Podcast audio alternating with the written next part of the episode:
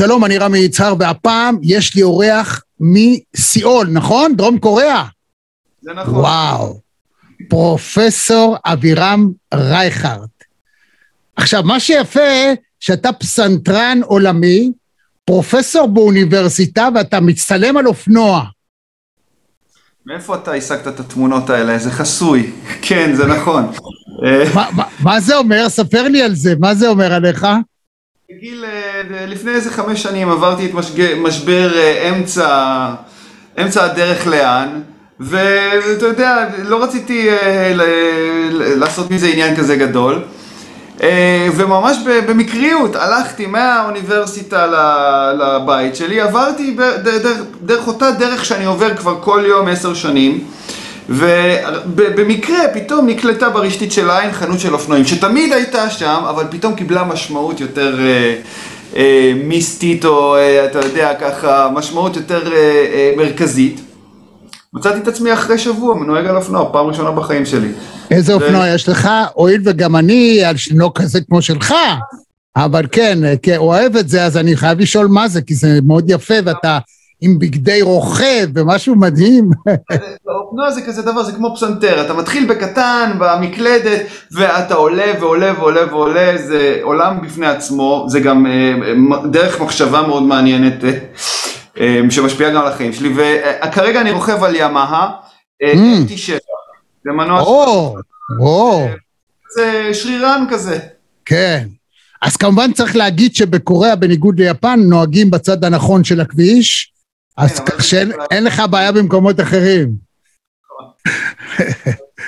טוב, אה, תשמע, אה, אתה, אם אני רק אתחיל לקרוא כאן את, את השורה של ההישגים שלך, אז פחות או יותר הרעיון יסתיים, אני אתחיל בזה שאתה זוכה בפרס, קודם כל מדליית ארד, בתקופה הזאת לדבר על מדליות זה נהדר, פרסים בינלאומיים, תחרויות לפסנתר בקוריאה, יפן, צרפת, גרמניה, אתה מופיע בקביעות על במות החשובות. בארצות הברית, אירופה, ישראל, המזרח הרחוק, דרום אפריקה, כבר יותר משני עשורים למרות שאתה נראה ילד, ניגנת כסולן עם התזמורות החשובות, אה, בישראל כולל הפילהרמונית, ו- ועוד ועוד, זה ממש ככה אה, בין האומנים, אני רואה כאן באמת השורה הראשונה, ואתה פרופסור לפסנתר, צריך להתחיל עם זה בסיול. איך, למה, מה, מי? אחד הפרסים שאתה רואה שם בשורה אה, זה אה, פרס מהתחרות הבינלאומית הראשונה לפסנתר של קוריאה.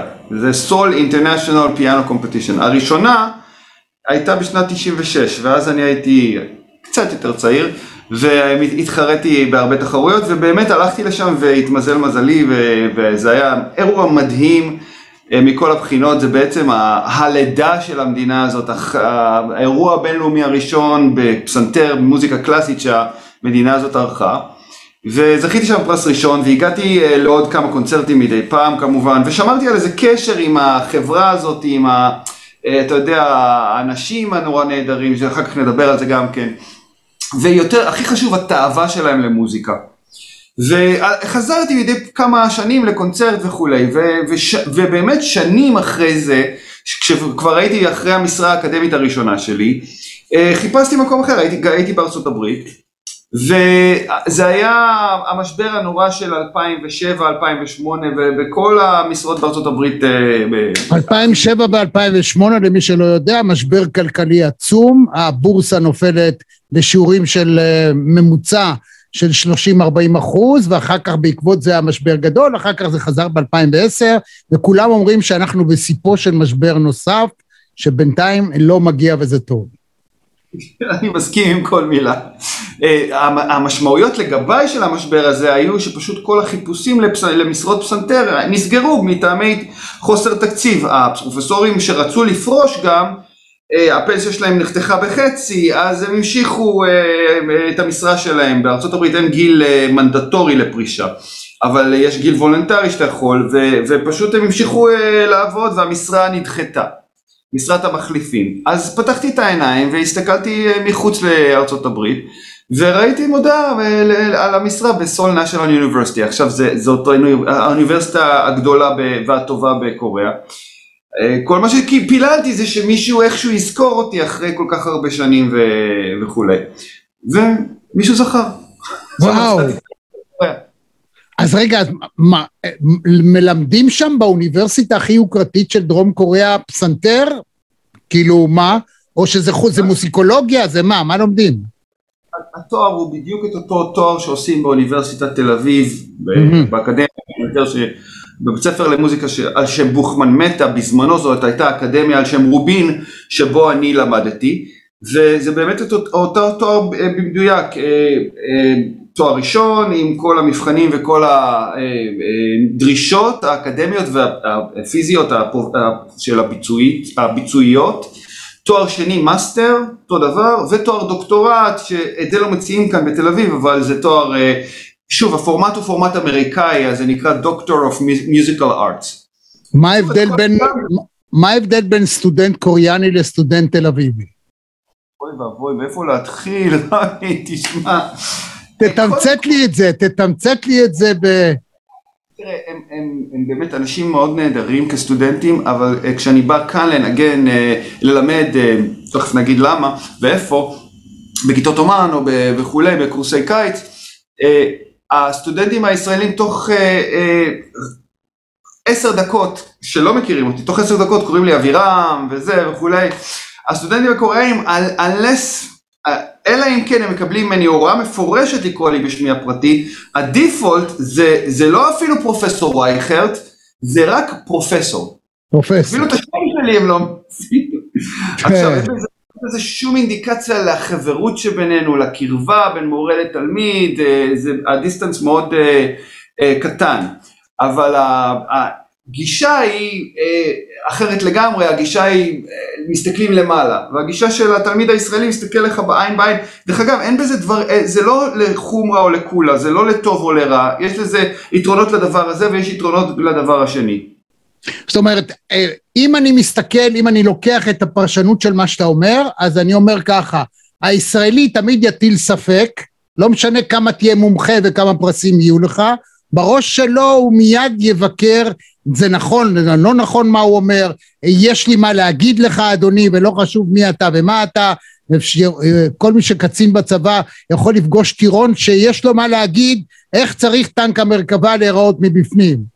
בעוד שהקוריאני הוא מבין אתה בעל הסמכות, הוא צריך ללמוד ממך ואחר כך ברבות הימים אם ירשו לו הוא יגיד משהו, נכון?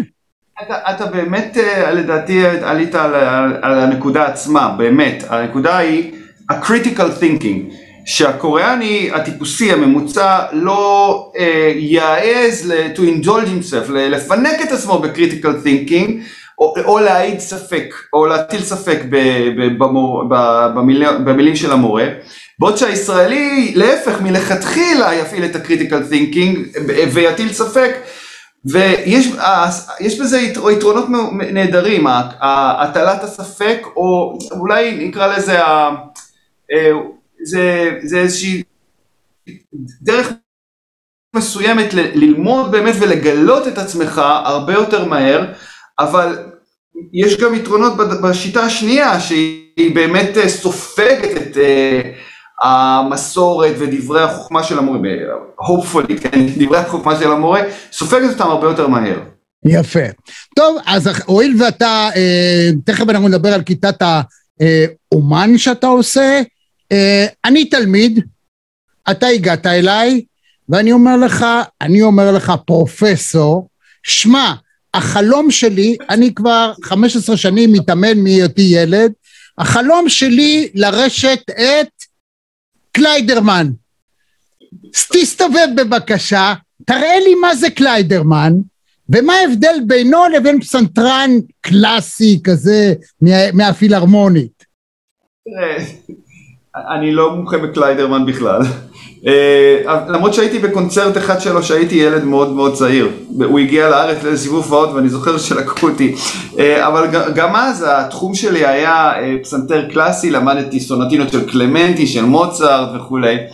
והפסנתר הקל, איך נקרא לזה, המוזיקה הזאת הנעימה, ואם אתה רוצה להיות מומחה של זה אתה מגיע למורה הלא נכון. אני יכול ללמד אותך מקסימום איך אה, לנגן קצת אה, ג'אז, קל, ג'אז קלאסי מה שנקרא, כן? קצת גרשווין. אני רוצה, טוב מאוד, המגע הקל הזה, ת, תרחף לי כזה קצת, תעשה לי...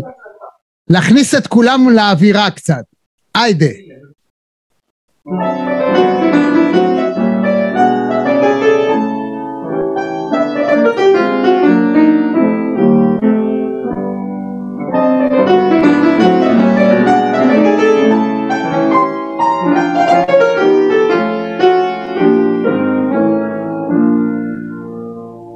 איזה יופי.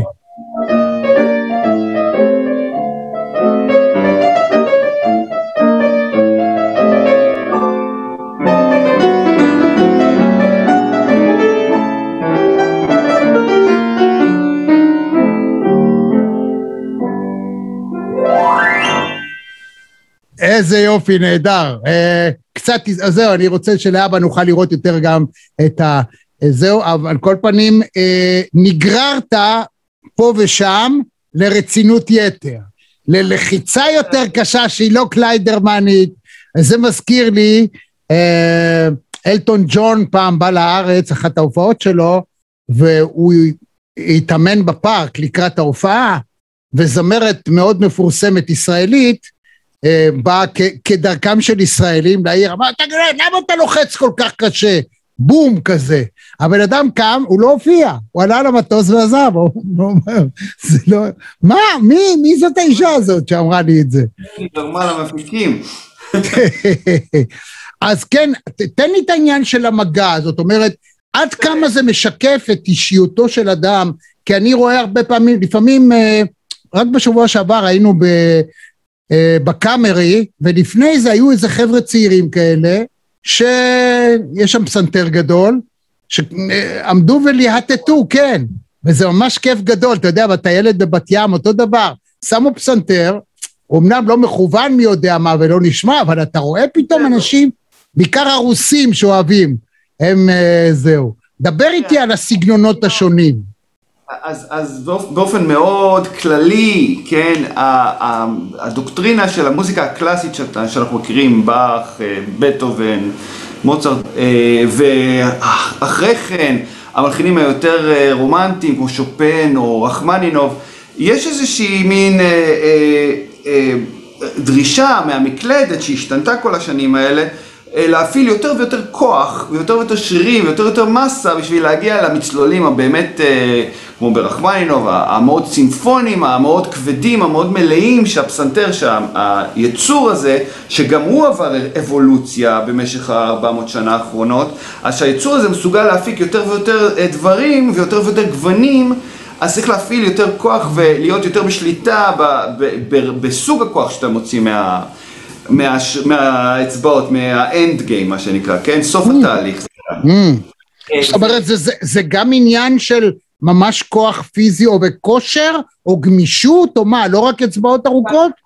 זאת אומרת, הדרישות הפסנתרניות מפסנתרן או מתלמיד הולכות ונהיות יותר ויותר גבוהות, המכלול של הדברים שאתה צריך אה, לשלוט בהם, ככל שהמוזיקה הולכת ונהיית יותר ויותר מודרנית. כלומר, אם אתה משווה את המגע הפסנתרני של באך ושל מוצרט, לעומת, שזה לפני 200 שנה, 250 שנה, 300 שנה, לעומת המגע הפסנתרני של רחמנינוב, שזה באמצע המאה ה-20, משהו כזה, תחילת המאה ה-20, הדרישות הן שונות מאוד. באמת, אני אגיד לך את האמת, רחמנינוב לפעמים מפחיד אותי. זאת אומרת... תשמע, זה, מוזיקה שהיא מה שנקרא overwhelming. היא אמורה right. להיות רומנטית ויותר מדי. ומבחינה פסנתרנית הוא גם מפחיד אותי. אתה יודע, אתה פעם ראשונה בחיים אני אומר את הביטוי הזה, את השם תואר הזה, זה מפחיד אותי. כי דברים לא מפחידים אותי שום דבר בחיים. אבל איכשהו רחמנינוב, כשאני שומע, האיש הזה מכניס אותך לאיזה פינה אפלה כזאת, ופתאום הוא... מה אתה רוצה? הלו, ואני באתי לקונצרט, עזוב אותי. המוזיקה של רחמיינוב היא טוטאלית לחלוטין. זה מין ים גלי, גבה גלי, אוקיינוס של אמושן, זה באמת הכל. הכל מכל וכל. לפעמים זה קצת מפחיד, אני מסכים איתך. זה לא מוזיקה שאתה בא ואתה יושב בקונצרט, ואתה מרגיש נהדר, ואתה מחייך אל זוגתך ויוצא החוצה. זה מוזיקה שגורמת לך לחשוב על עצמך, על החיים שלך. לכן אנשים יוצאים מקונצרטים עם דמעות בעיניים לפעמים. נכון. זה מגיע להם באיזושהי תת הכרה, באיזושהי חוויה. זה מייצר קתרזיס, אה, זה באמת כאילו, אתה לא בא ליהנות, אתה בא לזה, יפה. אני אגיד לך עוד דבר, יש גם, אני נתקלתי, אני מנגן הרבה רחמיינוב, אני מנגן עוד מעט כשאני מגיע לסיול, כשאני חוזר, אני מנגן את הקונצ'רטו השני של רחמיינוב, אה, באולם גדול וכולי. אני נתקלתי בתופעה הזאת הרבה, ביצירות מסוימות לפחות. לא רק בן אדם אחד בא, בא אליי ואמר, אני לא יודע למה, אני לא יודעת למה, פתאום התחלתי לבכות. Mm. אלא שורות שלמות וחצי, מחצי, ואחוזים ניכרים מהאולם. וזה מראה לך שאנחנו יצורים גם קולקטיביים, שיש איזה קולקטיב, אתה יודע... לא, יש vibe, יש vibe, כשאתה מכניס, תן לנו קצת, אה, תן לנו קצת רחמנינוב מפחיד, תן איזה משהו מפחיד, רק אה, תזיז אם אפשר את האייפד טיפה, כדי שנראה גם את ה... כן. שחק, שחק לי רחמנינוב. לא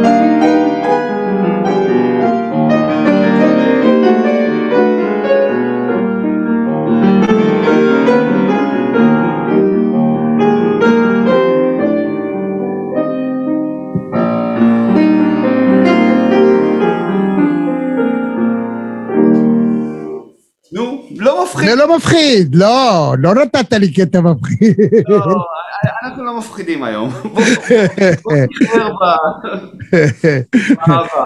טוב, אז אבירן, תן לי קצת על, על כיתת האומן הזאת שאתה נותן, אתה כאן בארץ, אתה מדבר איתי מחולון. אני מגיע כל שנה לכיתה הזאת בימים כתיקונם, אה, כבר אה, שמונה, תשע שנים, ומביא איתי גם הרבה פעמים תלמידים איתי מקוריאה לקחת חלק בכיתת האומן הזאת, אה, זו חוויה אדירה בשבילם. אה, לצערי שנה שעברה זאת הייתה שנת הוובינר, אה, שנת ההרצאות בזום. זום.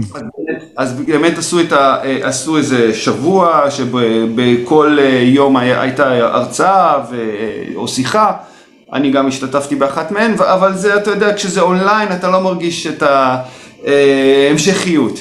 והשנה אנחנו חוזרים. אנחנו חוזרים אמנם בגרסה ישראלית, תלמידים ישראלים ומורים ישראלים, בימים כתיקונם זה, זה בינלאומי מאוד עשיר עם הרבה אורחים מחו"ל, והפעם אנחנו במתכונת ישראלית. אה, אבל יהיו שם את הטובים, יהיו שם אה, את המורים המיתולוגיים, עמנואל קרסובסקי וויקטור דרביאנקו, שהם באמת האבות המייסדים. אה, אני אהיה שם כנציג חצי בינלאומי, בנוסף אלון גולדשטיין ידידי אה, שמלמד בקנזס והוא ישראלי, אז אנחנו נהיה על תקן ה... ה... מה שנקרא הממתיק המלאכותי mm. הבינלאומי. וכמובן יהיו מורים ישראלים, אסף זוהר ותומר לב מאוניברסיטת תל אביב, ויוקסניה יבלונסקיה אה, שנמצאת כאן ותלמד, ותלמידים טובים ונהדרים, גם ורה ויידמן שהיא כנרת. אה, תיתן את הסדנה שם. אה, וואו. יש בשביל להגיע. אה, אני חייב להגיד רק דבר אחד. עזוב את כל השמות האלה שהם כולם, באמת יש כאן value רציני ביותר. המקום עצמו הוא מדהים. פיזית, המקום שבו עושים מוזיקה באמצע המדבר. שדה בוקר נגיד. קורס שנקרא תל חי, בזמנו היה בצפון בתל חי ולפני כמה שנים רבות הוא עבר לשדה בוקר. אה, לעשות מוזיקה כשאתה יוצא החוצה מהחדר אה, אחרי שיעור ואתה רואה את יעל המדבר, אה, המשפחה שם עוברת ברחוב, או בלילה המדברי הקריר, ממש קר דרך אגב, עם הכוכבים המדהימים מלמעלה, כשיש שם קונצרט תלמידים בערבים, וזה וואו. באמת חוויה אחרת לגמרי. רגע, איך הוא יוכל להגיע קהל? זה פתוח או שזה... פתוח לקהל, כלומר בכל יום יש קונצרטים בערבים של התלמידים, mm. יש כיתת אומן לפני כן בין 4 ל-6 של אחד המורים בקורס, ובכל הבוקר אה, כל השיעורים פתוחים וכל אחד ממש פותח דלת, נכנס לאן שהוא רוצה ושומע את השיעור עם המורה אחר, עם כל, כל אחד מהמורים כבקשתו, איך שהוא רוצה, לא, לא להתחשבן, הכל פתוח. מה, זה מדהים. שמע, זה באמת מדהים.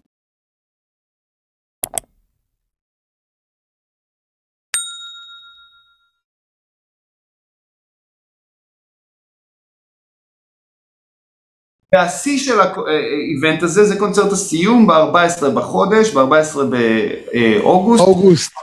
שיהיה באולם קלרמונט באוניברסיטת תל אביב, בבית ספר- למוזיקה, וזה הקונצרט... אה, וואו, יש- יש שם סאונד נהדר.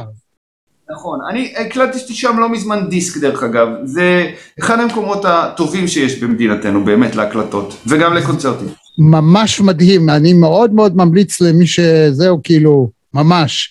אמ, היי, אני רוצה רק להגיד לך למה אני כל כך נלהב. אני, אני קצת, כשאני מסתכל בעצמי, אני רואה את עצמי באיזה היי מסוים אפילו עכשיו. מה, זה אני- סימן שהצלחתי לגרום לך להגיע לשם. אני גם חושב על זה ו- ו- ו- ועל מה שאני מדבר. אני שנה וחצי לא הייתי בארץ, Mm, וראיתי אימא שלי ואת המשפחה שלי אחרי שנה וחצי, אנחנו כאן בב- בבית של אמי. אה, לפני יומיים נפגשנו אחרי שנה וחצי. וואו. כל דבר כאן, הקיץ הישראלי המיוזע, הפקקים, מה- שאתה רוצה, כל מה שכולם מתלוננים, אני מסתכל בעיניים כאלה, וואי, איזה מדהים, איזה מדהים. פרופסור זה פשוט תענוג, אני רוצה להגיד לך. אה, תשמע, סיפור ששמעתי, אה, ואני די חוזר עליו בתחומים אחרים. סיפור שמיוחס לארתור רובינשטיין. כן. הוא, הוא סיפר פעם שאם הוא לא מתאמן יום אחד, הוא כבר מרגיש בהבדל. יומיים אשתו, שלושה ימים הקהל. מכיר את הסיפור הזה? לגמרי נכון. דבר איתי על זה. אני מכיר את הסיפור הזה, וזה, זה, אתה יודע, יש כאן איזה אמת אה, מאוד אה, אה, עצובה, שאנחנו אה, עבדים, אנחנו המ- המוזיקאים האינסטרומנטליסטים, שמנגנים בקליק, כלומר צריכים גם לפתח יכולת, ולא רק הבנה מוזיקלית, אלא יכולת אינסטרומנטליסטית רצינית, אה, וגם לתחזק אותה, ואנחנו עבדים לתחזו, לתחזוקה. כי באמת הרבה יותר קשה אחרי שבוע שלא ניגנת, הרבה יותר קשה לחזור ליכולות מאשר אה, כמה שעות או כמה ימים שלא נגעת בפסנתר, ויש אנשים שמפסיקים לתקופות יותר ארוכות אפילו, וזה באמת גם, אה, זה גם מאבק ב, ב, אה, באמת בהזנחה המכנית, אבל זה גם מאבק פסיכולוגי. כי אתה יודע באיזה רמה היית, במוח שלך אתה זוכר את עצמך בדיוק כמו שהיית לפני חודשיים, אבל כשאתה נוגע אתה פתאום רואה, רגע, אבל למה זה לא זז כמו שצריך? זה בעיה, באמת. זה, כי זה במוח, אתה יודע שהכישורים במוח מתנתקים, נכון. וזה לוקח זמן. במובן הזה, סליחה, אנחנו מאוד אה, כמו ספורטאים, כמו אתלטים, בדיוק. שבאמת מצריכים תח, תחזוקה יומיומית שוטפת, כמו מכונית מרוץ. תשמע, זה, זה די uh, טרגי במובן הזה שספורטאי צמרת, שהוא צריך uh, להגיע לטופ שלו, כל כך הרבה חייב להתאמן שוב ושוב ושוב, או אפילו אם זאת פעולה פשוטה, אתה יודע, uh, נגיד כדורסלן, שהוא, התפקיד שלו בעיקר לקלוע, הוא עומד כל אימון שישה או חמישה ימים בשבוע, וזורק שלושת אלפים פעם. שמע, זה מדהים, אתה אומר, אוקיי, מה, מה, מה, כי... אני חייב לומר, כן, העניין הזה של אימון, ולח... יש, יש איזו תיאוריה מאוד מעניינת דרך אגב, שאין דבר כזה שנקרא כישרון. כישרון זה לא, כן, כישרון זה, אין דבר כזה מתת אלוהים, או DNA, או ה-universe שנותן לך איזה מתת מסוים, ומייחד אותך מהאחרים באיזושהי פעולה מסוימת. התיאוריה הזאת אומרת שכישרון זה ה- ה- היכולת שלך להתמיד ולהשתפר, להתאמן עוד ועוד ועוד, לעמוד במחסומים הפיזיים האלה והמנטליים האלה כשאתה לא משתפר בגלל משהו, בגלל קושי מסוים, ולהמשיך עד שעברת את המחסום הזה כל הזמן, נונסטופ, זה כישרון. וואו. כלומר, היכולת לשפר את עצמך, זה באמת מה שנותן את התוצאה הסופית. אה, אם אתה שואל אותי, אני, אני מאוד מחבב את התיאוריה הזאת, וכשאמרתי את זה לאימא שלי, היא מאוד כעסה. היא אמרה לי, אל תגיד לי את זה, אתה מוכשר. אני יודעת שאתה מוכשר. תשמע, אני, אני, אני תומך באימא מסיבה אחת אה, פשוטה, במובן רע, במובנים רבים. יש מה שנקרא עד, עד היום, אה, אתה יודע, המדע מדבר על שבעה סוגים של אינטליגנציה. אינטליגנציה ספורטיבית, בין השאר יש גם אינטליגנציה מוזיקלית. מה זה אינטליגנציה מוזיקלית? אדם שיש לו אינטליגנציה מוזיקלית, אני לא יודע אם זה כישרון או לא, אבל יש לו אינטליגנציה מוזיקלית ושמיעה וכדומה, הוא יבוא עכשיו לאיזה שבט באפריקה, יראה כלי נגינה שמעולם הוא לא נתקל בו, לא שמע את הצליל שלו, וטיק טק הוא יתחיל לנגן עליו. ואותו דבר אה, אדם שיש לו אינטליגנציה ספורטיבית, גם אם ייתקל בענף ספורט שהוא מעולם לא שיחק, הוא מהר מאוד ייכנס לעניין. הוא לא יהיה אלוף עולם, אבל מה אתה אומר על זה?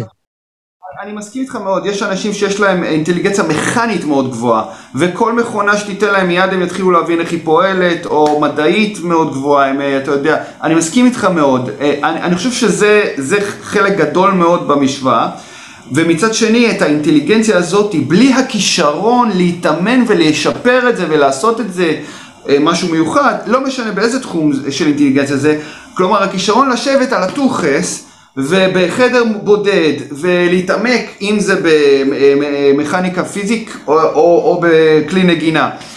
זה, אתה יודע, זה גם כן אה, חלק מה, מה, מהמתכון להצלחה בסופו של דבר. אין ספק שכישרון לבד לא נותן כלום אם אין לך... זה...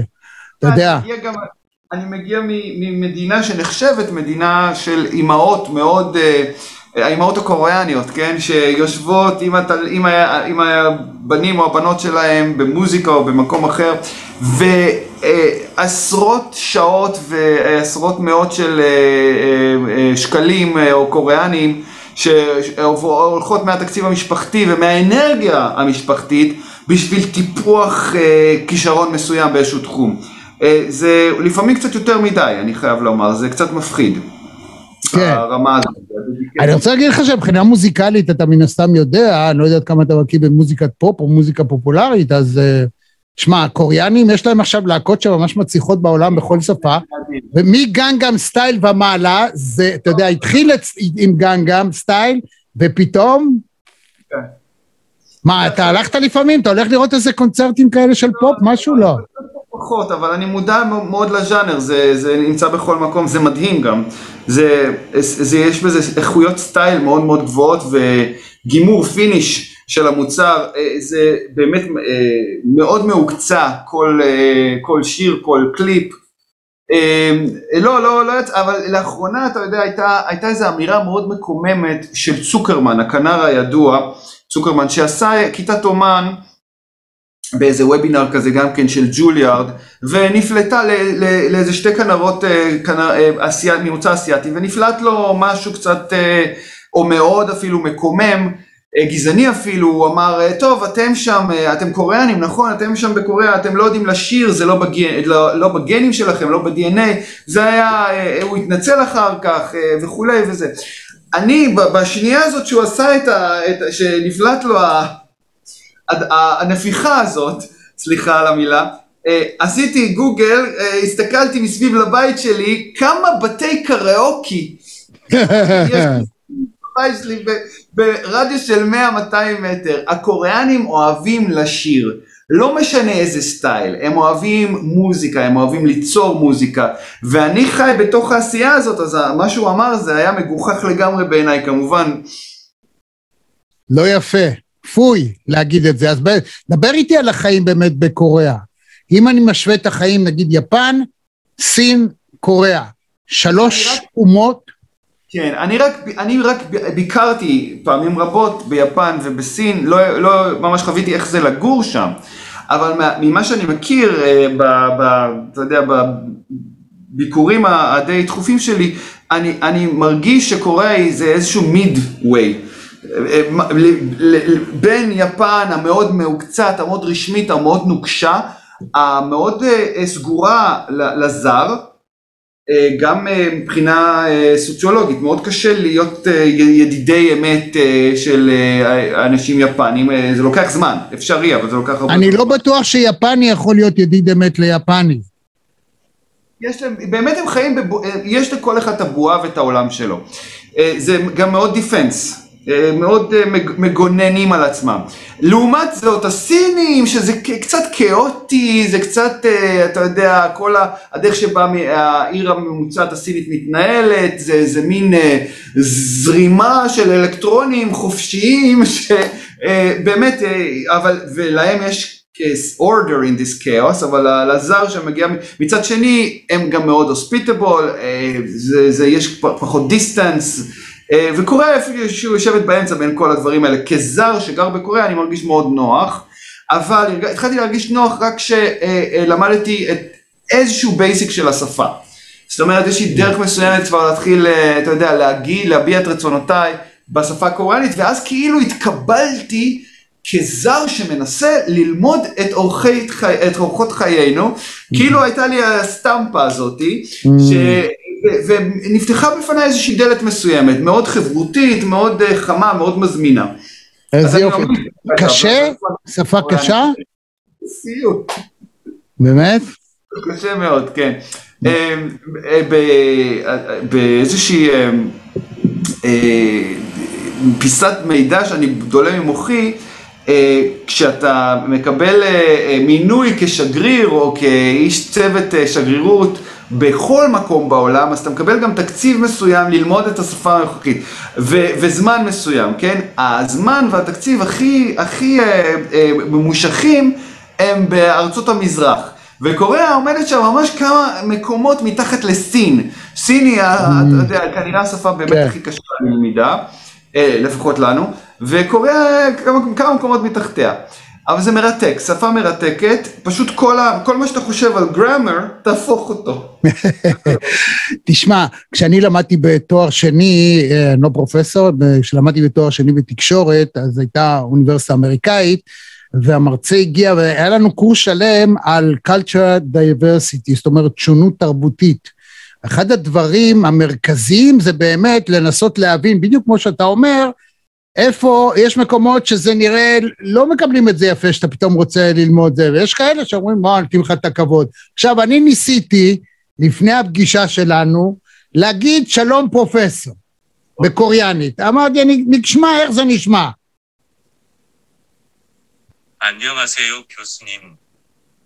נכון. בוא, אני אתן לך את זה. אני אעשה לך את זה, בסדר? אז זה טוב מאוד, אבל אני אעשה יותר טוב. אוקיי. אני אוהב קיוסונים. אניוהסיו קיוסונים. רגע, תפריד לי בין שתי המילים, איך אומרים שלום? אניוהסיו זה השלום וברכה. שלום וברכה מאוד uh, פורמלי, אניוהסיו. אם אתה רוצה רק שלום, אז אתה יכול להגיד רק אניונג. אניונג. אניונג. אניונג. אניוהסיו זה אני עושה שלום. הבנתי. Uh, קיוסונים זה פרופסור. Uh, אם אתה רק מורה, שזה כאילו המילה יותר כוללת, אה, הקבוצה יותר כוללת, אז זה נקרא סנסינים. סנסינים זה מאוד דומה לסנסה היפני. כן, שזה סנסה בהכל, גם בג'ודו, גם בכל זה, כן, הוא מדריך עליון, מורה רוחני, כן, כן. ופרופסור באקדמיה באוניברסיטה מסוימת זה קיוסונים. הבנתי. מה המעמד החברתי של פרופסור? אני לא מדבר אם הוא ישראלי או לא, מה המעמד? אין, אין בזה הבדלים בין אה, ישראלי או לא ישראלי. אה, אני פרופסור בא, בא, באוניברסיטה גם הכי אה, גדולה ואולי איכותית בקוריאה, אז המעמד גבוה. תראה, זה לא נותן לי שום הטבות ביום יום, אבל זה נחשב עבודה שמכבדת את בעליה, וגם ראויה להערכה מצד כולם. אה, זה, זה משהו, תראה, תשמע, אני חייב לומר לך, זה סוג מסוים של אה, אה, אינטראקציה בין התלמידים למורה או בין אה, אה, הרחוב למורה או הסביבה למורה, שלא משנה איזה סוג של מורה, אבל בייחוד אם אתה פרופסור, אה, זה מין אינטראקציה שאני לא חוויתי בשום מקום אחר בעולם, אה, ואיפשהו בכל שיחה, ב... יש איזה underline איפשהו שם, שלט כאילו מאחור השלט שעומד לי מעל הראש כתוב עליו פרופסור. אז זה, אני לא שם לב לשלט הזה, אבל אני יודע שהוא קיים איכשהו, באיזושהי נימה, זאת אומרת, יש כבוד, יש כבוד. כן, כן, יש כבוד. יותר מכבוד הייתי. באמת, זה, זה, זה מאוד נדיר. עד כדי כך שיש גם יום המורה וכל מיני אה, דברים שקשורים לזה והם מקבלים מתנות ו, ו, ונותנים גם מתנות כי לכל אחד יש מורה נכון? וכשאני כשיש יום המורה הקוריאני אני מתקשר למורה שלי אריה ורדי פרופסור אריה ורדי. Mm. שאני, ואני אני שולח לו הודעה זה, זה לא קשור אליך כי זה יום המורה בקוריאה הוא נמצא בישראל אז אני אומר לו זה לא קשור אליך חוץ מזה שאתה מורה אז אני אומר לך תודה רבה איזה יופי. בכלל המנהג הזה להגיד תודה רבה למישהו שעזר לך בחיים וקידם אותך, למרות שהוא קיבל בשביל זה משכורת וזה, זה בלתי נשכח. אני לעולם לא שוכח. אני אומר לך, אה, אני, נפלה בחלקי הזכות ללמוד עם כמה מורים, שגם אם לא היו מקבלים כסף, וגם לא היו מקבלים תמורה, היו מלמדים אותי באותו passion ובאותו commitment לחלוטין. אני, זה אני, וככה אני גם, אה, אה, זה, זה המודל שלי, אני לא מצליח להתקרב אליו כמובן, אבל באמת זה זכות ללמוד עם אנשים שאתה מרגיש שמה שלוקח אותם קדימה זה באמת התשוקה ללמד מישהו אחר, ולא התמורה וואו, ועל כך כבר הרי נאמר שהדבר האופטימלי שיכול לקרות לאדם בחייו, שהוא אף פעם לא מרגיש שהוא עובד, ואת העבודה שלו היה גם מוכן לשלם כדי לעשותה. אז איזה יופי. מה, מי המלחין החביב עליך? איזה סוג... עכשיו תן לי להבין אותך, כי בעיניי, אני מנתח בני אדם גם כטריינר NLP, אני תמיד, יש לי את הנטייה האוטומטית לנסות לפענח את האדם, שאיתו אני מתק... אני, אני מניח שאני כבר בפענוח אצלך, אתה כבר כן. עובד. בזה. לא, זה אם אני רוצה או לא רוצה, זה כמו ש... זה כבר פענחתי אותך מהרגע הראשון, זה בסדר. אתה איש מופלא, אני לא תיארתי לעצמי. זאת אומרת, באמת, כאילו, אין הרבה אנשים כמוך, ולכן רואים עליך את, את הטוב, את ה... לכן אני, מסקרן אותי מה אתה אוהב, איזה מוזיקה אתה אוהב, מה משעשע אותך. אה, אני בזמן, בזמני הפנוי, כשאני נוסע באופנוע עם האוזנייה כאן, ואתה יודע, אז אני בוחר לא לשמוע מוזיקה קלאסית. אני בדרך כלל אשמע ג'אז, light, לא הארדקור, לא, uh, אתה יודע, לא אוונגרדיסטי או משהו כזה, לא אוונגרד, אלא אולי מיילס דייוויס ו... מיילס דייוויס? וואו, משהו, משהו יותר מודרני בכל זאת, מיילס דייוויס.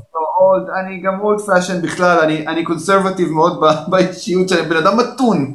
הבנתי, הבנתי. אז תן לי קצת מיילס דייוויס. לא, משהו. לא אין לי אה, זה, אבל... אבל לא, אני, אני, אני גם אומר שהטעמים המוזיקליים שלי, הם, הם גם כן איפשהו יושבים במה שנקרא קלאסיקל ויאניסט סטייל. הלב, הלב של המוזיקה הקלאסית כמו שוברט, בטהובן, אה, אה, אם נמשיך הלאה קצת, אז כן, אני נוגע ברוסים, אני מאוד אוהב את רחמיינוב, כן, היא פסנתרן, אי אפשר שלא כמובן. אה, אבל ברמס, שזה קצת יותר רומנטי, זה אחד מהמלחינים האהובים עליי ביותר.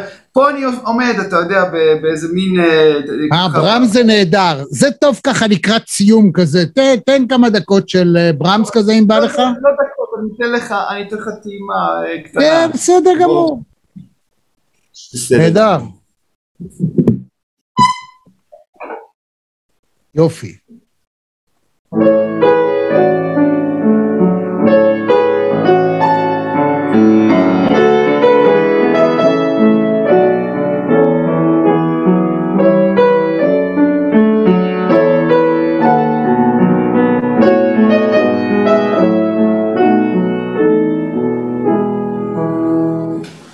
וואו. קצת ככה ב... לא, אתה, לא מבין, יש לך מגע קסם, אני רוצה להגיד לך, באמת, יש לך משהו, איך אני אגיד את זה? קטיפתי. אני לא, לא, ש, לא, כן, כן, יש לך משהו, והלאה. אני לא יודע אם זה טוב או לא, יש כאלה שלא יאהבו את זה. אלטון ג'ון, אם אני אגיד לו את זה, הוא עולה על המטוס ונוסע. הוא אוהב. הוא נראה לי לא, לא, הוא יאהב מאוד את הקטיפתי הזה. הרי הוא לובש הרבה קטיפות ממילא. זה נכון, במשקפיים. אני לא נגעתי, לא פתחתי את הפסנתר הזה כבר שנה וחצי היום, אחד הימים הראשונים שנגעתי פה, הוא חייב כיוון, אני מתנצל מראש, שנה וחצי שלא הייתי בארץ, קורונה וזה, מכוון לא דרך כאן, אז אני מתנצל על ה... רגע, אתה לא יודע לעשות את זה לבד? אני מכיר אנשים... אני יכול לתקן כיוון, כלומר אה, אה, ברמה של אה, מיתר אחד או שניים אני בהחלט יכול, וגם למדתי קצת, ו... אבל לכוון פסנתר שלם זה באמת מתודיקה ו... ועבודה גם מאוד קשה דרך אגב, עם הרבה ניואנסים. כן, זה באמת אה, רציני ביותר, אני לא יכול לעשות פסנתר שלם. לא, אה? רגע, ויש בארץ אנשים שיודעים לעשות את זה ובאים? לא, מכווני פסנתרים זה... זה מקצוע, מכוון פסנתרים זה מקצוע שלומדים, מתמחים בו, אה, אה, בונים מיומנויות, יש כמה אנשים נהדרים בארץ. וואו. כן, אני, כן, כן. אני אראיין פעם איזה מכוון פסנתרים. אתה יודע, כמו כל המכוניות צריכות אה, אה, אה, טכנאי, נכון? מכונאי, אותו דבר. וואו, יופי. אז לקראת סיום, מה, מה המסר שלך לאנשים שחושבים אולי כן פסנתר, לא פסנתר, ככה חבר'ה צעירים? יש לי, יש לי הצעה פשוטה, אם אתם חושבים כן פסנתר או לא פסנתר, רדו לשדה בוקר, בשני בחודש אנחנו מתחילים את סדנת הפסנתר הבינלאומית, תיכנסו לשיעור ותאמינו לי תצאו עם תשוקה לפסנתר. וואו, פרופסור אבירם רייכרד, היה תענוג אמיתי לדבר איתך. וכיף גדול, כמובן אתם יכולים, אם זה מצא חן בעיניכם, תעשו לייק, אגב, אתם יכולים גם לעשות כזה מנוי, ואז אנחנו למטה ניתן לינק לכל הדברים שאתה תרצה שיהיו, ומי שרוצה להגיע, זה בחינם, זה עולה כסף? איך זה? גם אתה נכנס לכל אה, אחת מהפעילויות כצופה, תדבר עם, אפשר לדבר עם כל אחד מהמורים, עם כל אחד מה, מהתלמידים, זה חוויה... מדהים, בשדה בוקר, חיני חינם, רבותיי, זו התקופה להיכנס לאוטו, לנסוע, קיץ, אתם לא נוסעים לחוץ לארץ, שימו מסכה, לא צריך באוטו, תיסעו לשדה בוקר, וואו, מה, גם לילדים זה יתאים נגיד? אני חושב שחלק מהקונצרטים בערב אני רואה לפעמים ילדים אה, עם משפחה, עם הורים כמובן וכולי. זה, תשמע, מוזיקה זה דבר שמרתק. אין, אין כאן, אין, אין לכל הגילאים ולכל המינים והסוגים. יפה מאוד. אז אנחנו ניפרד כשנגיד לך שלום, ועל הרקע אם אתה רוצה ככה קצת אה, לנגן, וניפרד אה, כידידים. ואני אגיע לראות אותך שם, מבטיח. לך, ותודה על האירוח, ובאמת אה, כיף היה לי לדבר יותר משהיה כיף לך לשאול, תאמין לי. זה היה לי כיף הדדי. אתה איש מדהים ומקסים, תישמר על האופנוע. הנה בחזרה אליך.